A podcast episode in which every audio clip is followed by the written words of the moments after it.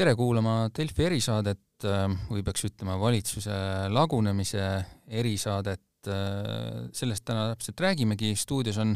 Eesti Ekspressi ajakirjanik Urmas Jaagant ja Delfist Karoliina Vasli ja Herman Kelomees, tere! tere! tere õhtust! teemegi sellise eri-erisaate sellepärast, et väga nii-öelda tempokad sündmused on valitsuses juhtunud, täna peaminister Kaja Kallas viis Kadriorgu kõigi kesk, Keskerakonna ministrite noh, võib vist öelda vallandamise teate või avalduse, mille siis president ka rahuldas, mis tähendab, et Keskerakonna ministreid valitsuses enam ei ole. sellega võib põhimõtteliselt lugeda lõppenuks ka valitsuse, kuigi peaminister jääb praegu paika ja puuduvaid ministreid asendavad siis teised Reformierakonna ministrid, aga koalitsioon oli juba mõnda aega läbi. No äh, Herman, sa tuled äh, nii-öelda sündmuste keskelt, siin on olnud erinevaid äh, selliseid pressikonverentse ja inimesed on andnud neid selgitusi, siis mis siis täpselt toimub ja kuidas on reageeritud, no ähm, ütleme, sa, sa vist, kui ma õigesti aru sain, viimati tulid nüüd Kadriorust, et mis see presidendi selgitus siis oli, et ega, ega ta seal mingit mõtlemisaega ei võtnud või ta vist ta muidugi ei olegi? President võttis mõtlemisaega väga vähe ja mina tegelikult läksingi sinna plaaniga Äh, küsida temalt midagi, mille kohta ta oma siis selle otsuse kiirusega äh, juba vastas, ehk et kas see põhiseaduse paragrahv üheksakümmend, ähm, mis noh, õigusekspertide hinnangul ei anna talle absoluutselt sellist ähm, õigust igal juhul need ministrid vabastada. Et, et kas seal läks vaja ka nagu mingit kaalutlemist või mitte. Äh, president siis äh, luges ette kaks kellaaega, et neliteist null null oli siis äh, see aeg, kui Kaja Kallas tuli sinna nende avaldustega, neliteist nelikümmend üheksa ta siis tegi selle otsuse, et pikalt ta ei mõelnud. Ähm, ja, ja see põhjendus on siis see, nii palju kui ma presidendist aru sain, et eks see valitsus oli läbi niikuinii, edasi oli vaja liikuda niikuinii ja, ja toimivat ähm, võimu on Eestile vaja aga mis me siis nüüd, äh, mis olukorras me siis nüüd praegu hetkel oleme, et äh, minule tundub äh, olukord kuidagi mõnes mõttes natukene veider, et ühelt poolt nagu meil on pool valitsust puudu, aga peaminister ei ole tagasi astunud. Mm, samal ajal meil nagu valitsust noh, mingis mõttes ju ka ei ole, sellepärast et ükskõik, mida see valitsus praegu siis otsustaks näiteks parlamenti saata, siis see sealt kuhugi ei liiguks, et selles mõttes valitsus oma äh, oma asju ju selles mõttes ikkagi teha ei saa, et öö, veidi, veidi kummaline olukord ju. Kummaline on ka seetõttu, et ega me ei tea, kes siit koos koalitsiooni edasi liiguvad, et kui ka siin enne saadet natuke lugesin online-meedia kajastusi, siis kohati võib jääda mulje, et noh, nüüd ongi nii, et Keskerakond suruti kõrvale, tehti nad pimesi nii-öelda ka, et nende ministrid ei teadnud midagi ja et ongi nii, et Reformierakond koos sotside Isamaaga hakkab valitsust tegema. aga see on ka natuke selline näiline ettekujutus, sest praegu on jäänud ka kuvand, et Kaja ja Reformierakond otsustasid ära, et nüüd me astume selle sammu, teeme ise julge sammu, aga samas see võis tegelikult olla ka hoopis kaitsetaktika, et nad nad teadsid, et nende nii-öelda vastasleer, niinimetatud EKREIKE on juba oma nagu selliseid kokkuleppeid sõlmimas ja siis selleks, et ikkagi midagi teha, siis tehti see samm ja samamoodi Kaja Kallas sai teha pressikonverentsi, kus ta tõi siis oma argumente, et miks oli vaja seda sammu ja ma arvan, et ka oma nii-öelda sihtgrupile, Reformierakonna valijale ta võis tõesti jätta seal väga sellise enesekindla valitseja mulje, kes suudab ka sellise vähemusvalitsusega ja nüüd hakkavad moodustama, aga me täpselt tagamaid ei tea. me ei tea jah, me, mis on nagu Äh, huvitav, ma vaatasin seda pressikonverentsi, kus siis äh, äh, Kaja Kallas selgitas oma asju, ta, ta oli silmnähtavalt kergendunud, kergendatud olekus sellises rõõmsameelne, noh, nagu oleks suurest koormast vabanenud, et viimati ma olen ka Jüri Ratast mõningatel puhkudel sellisena näinud, kui ta oli peaminister, et, et et need on, et see on üks asi, mida kindlasti tähele panna, et et ilmselt selle otsusega oli nagu palju kaalumist noh, võib eeldada, et seal võis olla ka neid, kes arvasid, võib-olla see ei ole hea mõte, aga seda me täpselt ei tea hetkel, aga paistab, et kui see nüüd tehtud sai, siis on see küll nagu kergendus olnud, et et tõepoolest, ega see valitsus ju noh, sellist mingit elujõudu seal nagu ammu ei olnud ja ja võistlus käiski ju selle peale, et kelle, kes siis suudab viia teise poole nii kaugele, et see oma sammu ära teeb, ehk siis kas valitsus, et siis valitsusest ära läheb, millega siis noh, teine pool päästab enda jaoks olukorra, kus ta oleks olnud muidu valitsuse lõhkuja. nüüd, nüüd Reformierakond on selle sammu teinud, me võime korra nagu mõelda ka selle peale, et et mis selle mõju siis nagu selles mõttes saab ol-, olema, et mulle tundub, mm, et Reformierakond noh, hetkel Keskerakonna retoorika püüab teda mängida kindlasti valitsuse lõhkujaks ja reeturiks ja mis ei tähenda selles mõttes suurt midagi, et kui te mäletate, siis mm, kui Jüri Ratas lõhkus eelmise valitsuse, siis äh, EKRE saadikud ja poliitikud rääkisid äh, kuude kaupa sellest, kuidas Jüri Ratas on reetur, aga kes seda enam mäletab. et äh, selles mõttes see võib-olla suur kaotus Reformierakonnale nagu ei ole, mm, aga nad on selles mõttes ikkagi õrnas seisus, et nii-öelda teised pooled äh, päris hästi nüüd teavad, mis on Reformierakonna ees olevad valikud, eks, et äh, need valikud on, et kas tal õnnestub see kolmikliit teha või siis äh, tõ-, või siis teeb nagu keegi teine, et, et selles mõttes on kaardid laual, et Reformierakonnal nagu mingit sellist võib-olla peale sellise päris vähemusvalitsuse nagu ju ei olegi. Ja olukord tegelikult on pretsedenditu ja, ja me oleme kaardistamata vetes, et ministrid on ikka valitsusest minema löödud. Aga niimoodi, et peaministripartei äh, lööb äh, terve portsu ministreid minema niimoodi, et nemad jäävad ainult võimule, äh, seda pole mitte kunagi juhtunud, ühe korra on juhtunud, et üks, üks nimekiri jääb võimule, aga siis need teised ministrid läksid ise ära. ja mm, ma käisin muide Kadriorus kahel põhjusel, et kõigepealt rääkimas või noh, uurimas, et mida president asjast arvab juhtumisi oli mul ka intervjuu Ukraina suursaadikuga ja noh, diplomaatide töö on äh, kõigi nende asjadega kursis olla ja, ja nemad olid ka muidugi väga huvitatud sellest, et mis need kombinatsioonid võiksid siis olla. ja, ja võib-olla see kaardis, kaardistus kulub siin ära, üks on siis see, et jääbki meil ainult ühe partei või ühest nimekirjast valitud äh, valitsus äh,, mis ei ole Eestis pretsedenditu, kaks ja pool aastat oli meil äh, vahemikus üheksakümmend kuus kuni üheksakümmend üheksa täpselt selline asi, aga, aga, aga noh, selle peale Äh, no ka president ütles, et äh, et ega see ei ole nagu otseselt äh, toimiv lahendus, eks ju. no sul on vaja jah, kus, kuidagi kuskilt saada ju Riigikogus need hääled, on ju, see võib olla päris kallis projekt rahaliselt. no tõepoolest jah, ähm, ja noh, teine variant, millel ka ei ole hääli koos, on näiteks vähemusvalitsus Reformierakond, sotsid. no miks, miks ma nagu neid kahte varianti välja tõin, on see, et Isamaa esimene reaktsioon sellele meie telefonikõnele kui me küsisime, et mis ta arvab, äh, Helir-Valdor Seeder, Isamaa esimees, sellest, et äh, Kaja Kallas on talle teinud ettepaneku koalitsiooni tegema hakata, mm, noh, ütles, et Kaja Kallas olla kuidagi nagu kõrgilt väljendunud ja pannud fakti ette, et te tulete nüüd koalitsiooni, mitte ei hakka läbirääkimisi pidama, et väga selgelt anti signaal, justkui ei taheta minna sellesse koalitsiooni. no variant B on see, et see on lihtsalt viis saada koalitsiooni tuleku hind võimalikult kõrgeks, muidugi võivad olla ka kaks asja samal ajal ja, ja noh, kuskil seal taamal on siis veel ka see EKREIKE tasa ta,, tagasituleku võimalus ikkagi, mida Seeder võib-olla kõige rohkem tahab, aga me ei tea, eks ju, jätkuvalt, vähemalt mina ei tea, et kas need Isamaa hääled oleks selleks olemas või ei oleks ma ise vestlesin enne Martin Helmega, kes oli ka väga, väga heas tujus oli. Ja alguses ta vastas mulle lühivastustega, näiteks kui ma küsisingi, et kas ta on ka suhelnud äh, Jüri Ratase ja siis ka Isamaa juhtide Seedriga, siis ta ütles ka muhelevalt, et jah, et täitsa hiljuti, aga siis ta viis kohe teema mujale, hakkas rääkima, aga meie oleme avatud kõigiga suhtlema ja et isegi Reformierakond, nemad meid ise ei taha, aga ta viis ka teema eemale. aga mulle tundus ka, et ta siiski ka tahtis ikkagi anda märku, et jah, et me ka suhtleme ja et äh, just, et äh, ega see EKRE ikka täiesti selline laualt maas ei ole, et absoluutselt. no mina arvan ka, et ta nagu selles mõttes äh, peaks natukene neid nii-öelda hoogu maha tõmbama, nagu sa enne ka kirjeldasid selle äh, noh, mõne inimese poolt nagu eufooriaga, et et nüüd tuleb äh, mingi niisugune noh, justkui mõistlikum valitsus, et mida siis Reformierakond juhib ja vana hea kolmikliit Isamaa ja sotsidega, et et äh, siin võib tõepoolest olla mitu äh,, mitu asja, esiteks nagu sa ütlesid, see, et püüti ennetada äh, ja teine variant ikkagi see, et me senimaani tegelikult ei tea äh,, mis etapis äh, on olnud see nii-öelda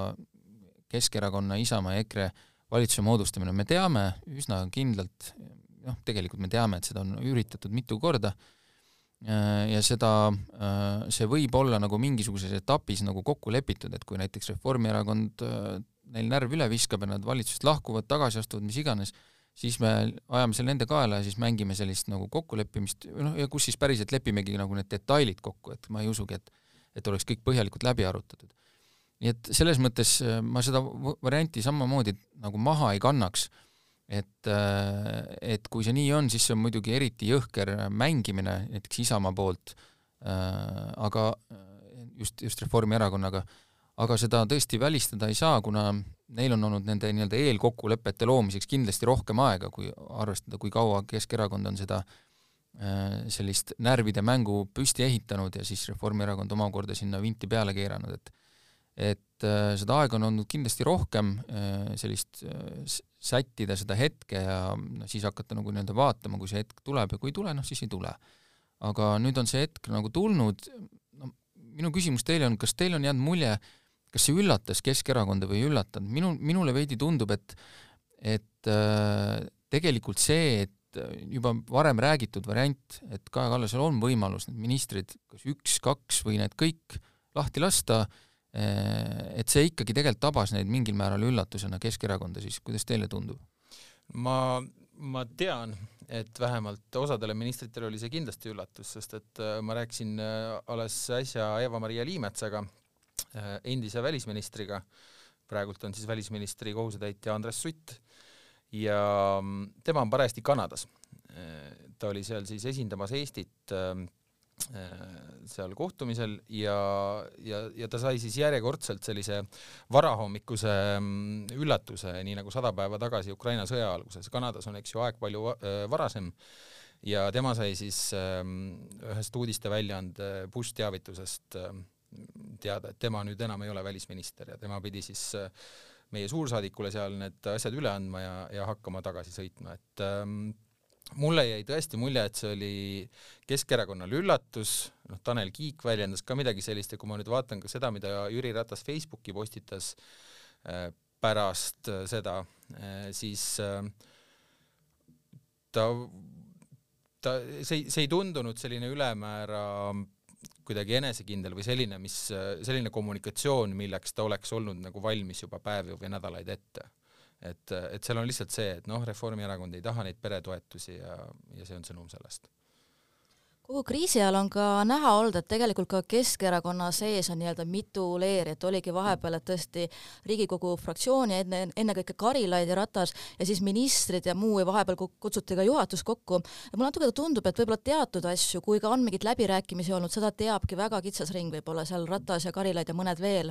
et äh, ma arvan, et tegelikult neile kõigile tuli see võib-olla üpris üllatusena, et just praegusel hetkel siin reede pärastlõunal niimoodi, võib-olla ka Ratasele, aga ma arvan, et mingi eelaimdus võis seal teatud kõrgematel juhtladvikul ikkagi olla, aga võib-olla ei oodatud seda sellises vormis ja juba täna. aga see, et näiteks Liimets äh, ei teadnud midagi, see absoluutselt ei üllata, et kohati tundubki, et võib-olla seal mõned ministrid, Aab ja Kiik, et midagi teavad, aga üldiselt noh, Liimets tõesti, ma arvan, et on sellest väga kaugel, samamoodi ütleme Jaani, et neile võis tõesti tulla kui välk selgelt taevast, mida on näha ka nende reaktsioonidest. miks ta võis vabalt olla üllatus, on see, mida Kaja Kallas ütles eile pressikonverentsil, valitsuse pressikonverentsil, et et, et ei, me ei hakka siin tegema mingisuguseid liivakastimänge ja, ja vastueskalatsioone, mida see praegune olukord ju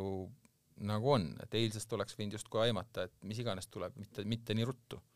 jah, see on õige, mida, et ta seda ütles ja tegelikult oli, oli seal ju ka juba eile mingeid märke sellest, et noh, mingisuguseid asju tehakse kindlasti vastu, et see, et see noh, kõlab hästi, et me siin ei mängi liivakasti mänge, aga noh, võib-olla nende jaoks mõned liigutused on siis nagu tõsised ja need ei ole sellised lapsikud, aga noh, see on pooleldi nali, aga, aga ütleme, laiemas vaates mulle ka tundub, et äh, nagu Keskerakonnas äh, ei päris sellist sammu ei oodatud, midagi, sest see, et, et nad ootasid Reformierakonna nii-öelda taganemist, see oligi ju kogu eesmärk, eks.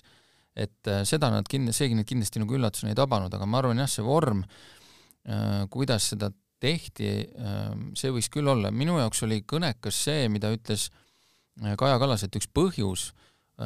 peitub siis selles äh, eestikeelse alushariduse äh, seaduses, mille siis kukutasid Riigikogus läbi EKRE ja Keskerakond oma häältega, et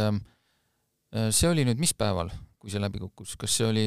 paari päeva eest? see oli paari päeva eest, et kui, kui Kaja Kallas esitab seda nüüd nagu põhjendusena, siis minul tekib küll küsimus, et äh, miks seda ei tehtud juba näiteks samal õhtul või järgmisel hommikul siis, et kui, kui see on nagu põhjus no mina selgituseks oskan pakkuda seda, et äh, küllap need päevad, mis siin vahele jäid, et see otsus võib-olla, et me nii teeme, langes juba siis, võib-olla isegi varem, aga pärast seda oli vaja seda aega, et tulla täna ütlema, et äh, teeme ettepaneku sotsidele Isamaale, millest mina järeldaks, et äh, võib-olla neid nii-öelda rääkimisi, kõnelusi, silmapilgutusi, kirjakesi, mis iganes vormis nad suhelnud on, on tehtud tegelikult võib-olla natuke rohkem, kui see, kui seda praegu paista lastakse, ehk siis ma eeldan, et kõik kolm on üksteisele andnud signaali, et äh, me tuleme selle laua taha ja me hakkame neid detaile läbi rääkima. et äh, muud selgitust ma väga ei oskaks öelda nendele paarile päevale, mis, mis jäeti vahele sellele põhjusele äh,, miks miks see nii-öelda äh, otsus siis praegu tehti, et ähm, on teil mingi muu seletus? seal oli üks moment, äh, millele Kallas ise viitas täna sellel, tänasel pressikonverentsil äh, ja see moment oli siis eilselt valitsuse pressikonverentsilt, kus äh, Postimehe ajakirjanik Sander Punamäe küsis Jaak Aabi käest, et noh, teie olite see, kes soovitas Riigikogu keskerakondlastele niimoodi käit-, niimoodi käituda ja, ja neid pilte oleme me meedias, sotsiaalmeedias näinud Kaja Kallase sellisest äh, noh, siir-, siirast või teeseldud, aga igal juhul reaktsioonist, mis, mis märgib nagu üllatust. ja noh, selle momendi ja, ja praeguse aja vahel või noh, selle uudise vahele jäi äh, kuskil selline kakskümmend viis tundi, et seda nagu nii palju ei olegi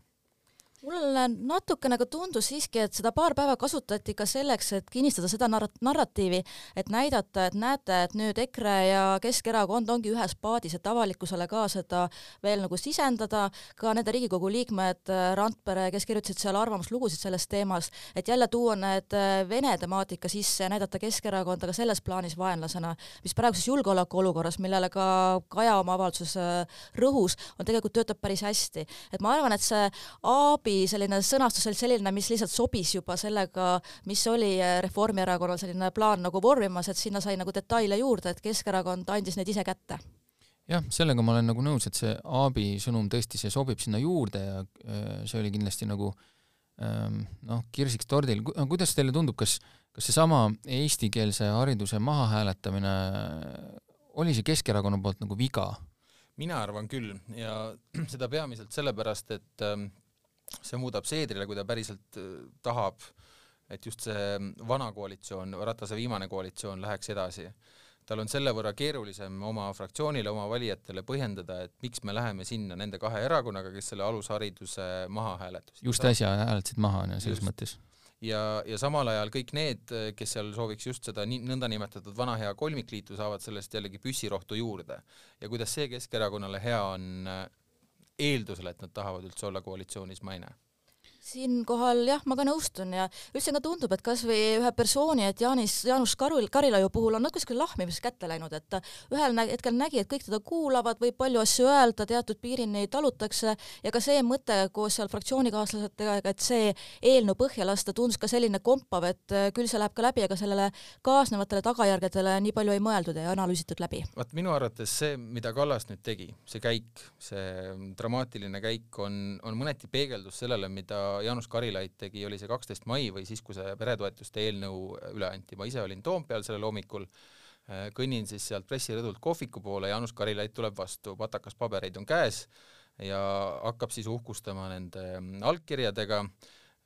ootab kenasti ära, kuni fotograaf, kes mul oli kuskil mujal, tuleb ilusti alla, temast, teeb temast need pildid, kus ta poseerib nende allkirjadega, mis on Reformierakonna selja taga kogutud ja mida on, on kaugelt rohkem kui, kui viiskümmend üks, et äh, noh, see oli nagu selline pikk Peeter äh, Kaja Kallasele ja Reformierakonnale, mulle jäi vähemalt mulje ja, ja, ja see reaktsioon on nagu kuidagi nagu peegeldus sellest. jah, mulle, mulle veidi näib, et äh, Keskerakond äh, võib-olla siis ka teatud isikute kaudu, seesama Jaanus Karilaid ja võib-olla ka Jüri Ratas, mängisid oma käe veidikene üle. mis muidugi, see, see nüüd kehtib sel juhul, kui me räägime eeldusest, et et Keskerakond ei ole juba teinud seda nii-öelda valitsust vaikselt kokku, mida nüüd, mida nüüd lastakse siin natuke praadida, on ju, aga eeldame, et kui seda ei ole ja see, see praegune Reformierakonna käik tabas neid üllatusena, siis mulle näib, et see käsi mängiti natukene üle.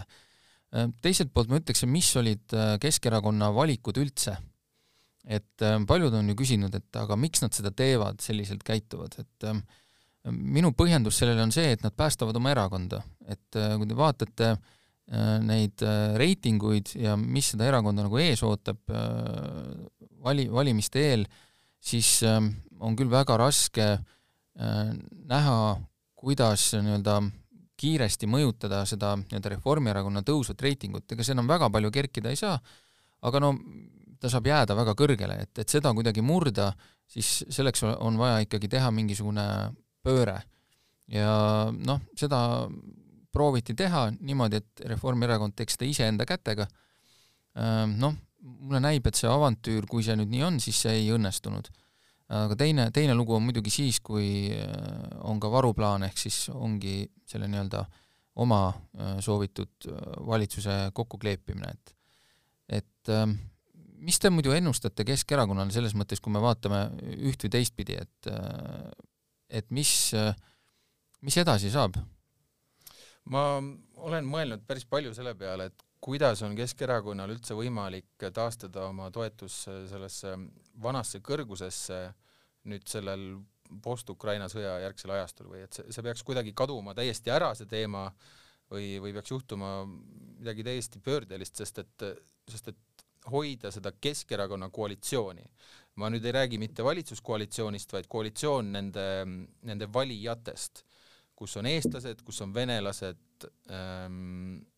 et nii eestlaste kui ka venelaste seas oleks see toetus piisavalt kõrge äh,, kaitstes nii ütleme seda, seda, et eestikeelsele haridusele ei minda nii kiiresti üle, et kes tahavad vene keeles õppida, saavad vene keeles õppida ja samal ajal, et need ähm, noh, E-, eestlaste toetust ei hakkaks veritsema, et see on ajas muutunud Keskerakonnale järjest raskemaks ja, ja et kui ma nüüd saaks ka head raha mõnelt Keskerakonna palgatud PR-büroolt, siis, siis ma ei tea, kas ma oskaks head nõu neile anda jah, üks on äh, muidugi need küsitlused, aga mis ma olen ka kuulnud, et äh, siin valimiste eel, et nagu me teame, rahakott äh, väga suur praegu pole, aga tegeletakse just niisugune piirkonniti, et kaasata seal kohalikke inimesi ja minna selliste tugevamate nimekirjadega välja, et üle-eestiliselt siiski korjata neid kohti. aga mulle tundub, et nad ise teavad ka, et ega päris sellist varasematega võrreldes vähemasti praegu lähiajal, isegi lähiaastatel tagasi ei saa aga kui laiemalt mõelda, et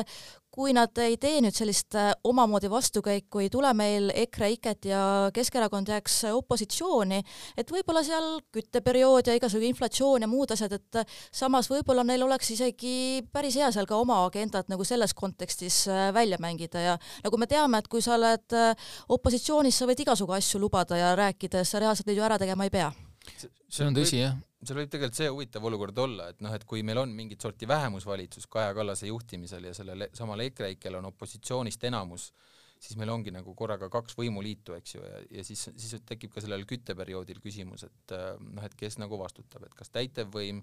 või siis need, kes saavad noh, nagu peretoetustega näha ise mingisuguseid toetusi ja meetmeid kehtestada. jah, ma pigem arvan, et seda varianti ei juhtu, sest ma, mulle tundub, et nii-öelda see vähemusvalitsuse jutt on pigem äh, pigem selle jaoks, et Reformierakond ei näeks välja nii, et neil ongi tegelikult ainult üks valik. et see on väga halb läbirääkimiste positsioon, kui sul on ainult üks valik ja mõlemad pooled teavad, milline see on, ma pean siis silmas siin sotse ja Isamaad, et parem, parem ikkagi, kui oleks neid kaks valikut, isegi kui see teine on halb, et siis on vähemalt midagi, midagi mängida. Aga kuidas teile praegu tundub siis, kas me oleme siin nüüd mõnda aega rääkinud, kõik on nagu suhteliselt lahtine, Äh, on see nagu, kumb, kumb variant on siis realistlik, praegu kõik viitab sellele, et, äh, et ikkagi tuleb see nii-öelda vana hea kolmikliit, palju sõltub Isamaast, kas nad on valmis äh, minema uuesti Reformierakonna ja sotsidega, mis on niisugune palju kannatanud kombinatsioon, kus on, kus on kõik saanud kõrvetada, võib-olla Reformierakond kõige vähem, aga teised kindlasti ajaloo jooksul, et, et tehakse see ikkagi uuesti tagasi või? see on väga raske küsimus tegelikult, et äh, meie kõiki neid läbirääkimiste tausta ei tea, et ma isegi ei ei tihkaks siin praegu pakkuma hakata, sest nagu ma olen siin meie vestluse jooksul korduvalt ka viidanud, et on ka nagu märke ja olen ka kuulnud, et ikka tõesti, et ka EKRE, Keskerakond ja seal Isamaa räägivad läbi, et ma pigem jääks kompavaks ja isegi kalduks võib-olla natukene sinnapoole, et me või, meil võib ka see eelmine valitsuskoosseis tagasi tulla, aga noh, ma ütlen, see võib kõik päevade ja isegi tundidega muutuda. no tõesti on väga raske öelda. Ehm, noh, mõneti loogilisem tundub see Reformierakond, sotsid ja, ja Isamaa, sest et eh, noh, nii palju, kui mina olen suutnud tööd teha, tõenäosus, et viiskümmend üks häält tuleks sellele koalitsioonile taha, on lihtsalt napilt suurem mis absoluutselt ei tähenda, et, et tegelikkuses äh, seal mustas kastis, kuhu mina ei näe, äh, võib olla see tõenäolisem hoopis selle EKRE-EKRE kasuks ikkagi. Äh, no kõige tõenäoliselt ma arvan, üks nendest kahest koalitsioonist, mis on juba olnud jaa, see on muidugi hea ennustus saate lõpuks, et kahest võimalikust koalitsioonist sünnib kas esimene või teine. jaa, et aga sellega, jaa, sellega me täna ka lõpetame, jääme kindlasti olukorda äh, jälgima siin, ma ei tea, kas just kakskümmend neli seitse, aga no peaaegu, et äh, kindlasti siin nädalavahetusel äh, helistatakse hulgaliselt tühjaks telefoniakusid poliit-, äh, poliitikute vahel ja ka ajakirjanikud hoiavad sellel silma peal. Delfi erisaade lõpetab, ma tänan stuudiosse tulemast Karoliina Vaslit, Herman Kelomeest ja mina olen Urmas Jaagant, järgmiste kohtumisteni!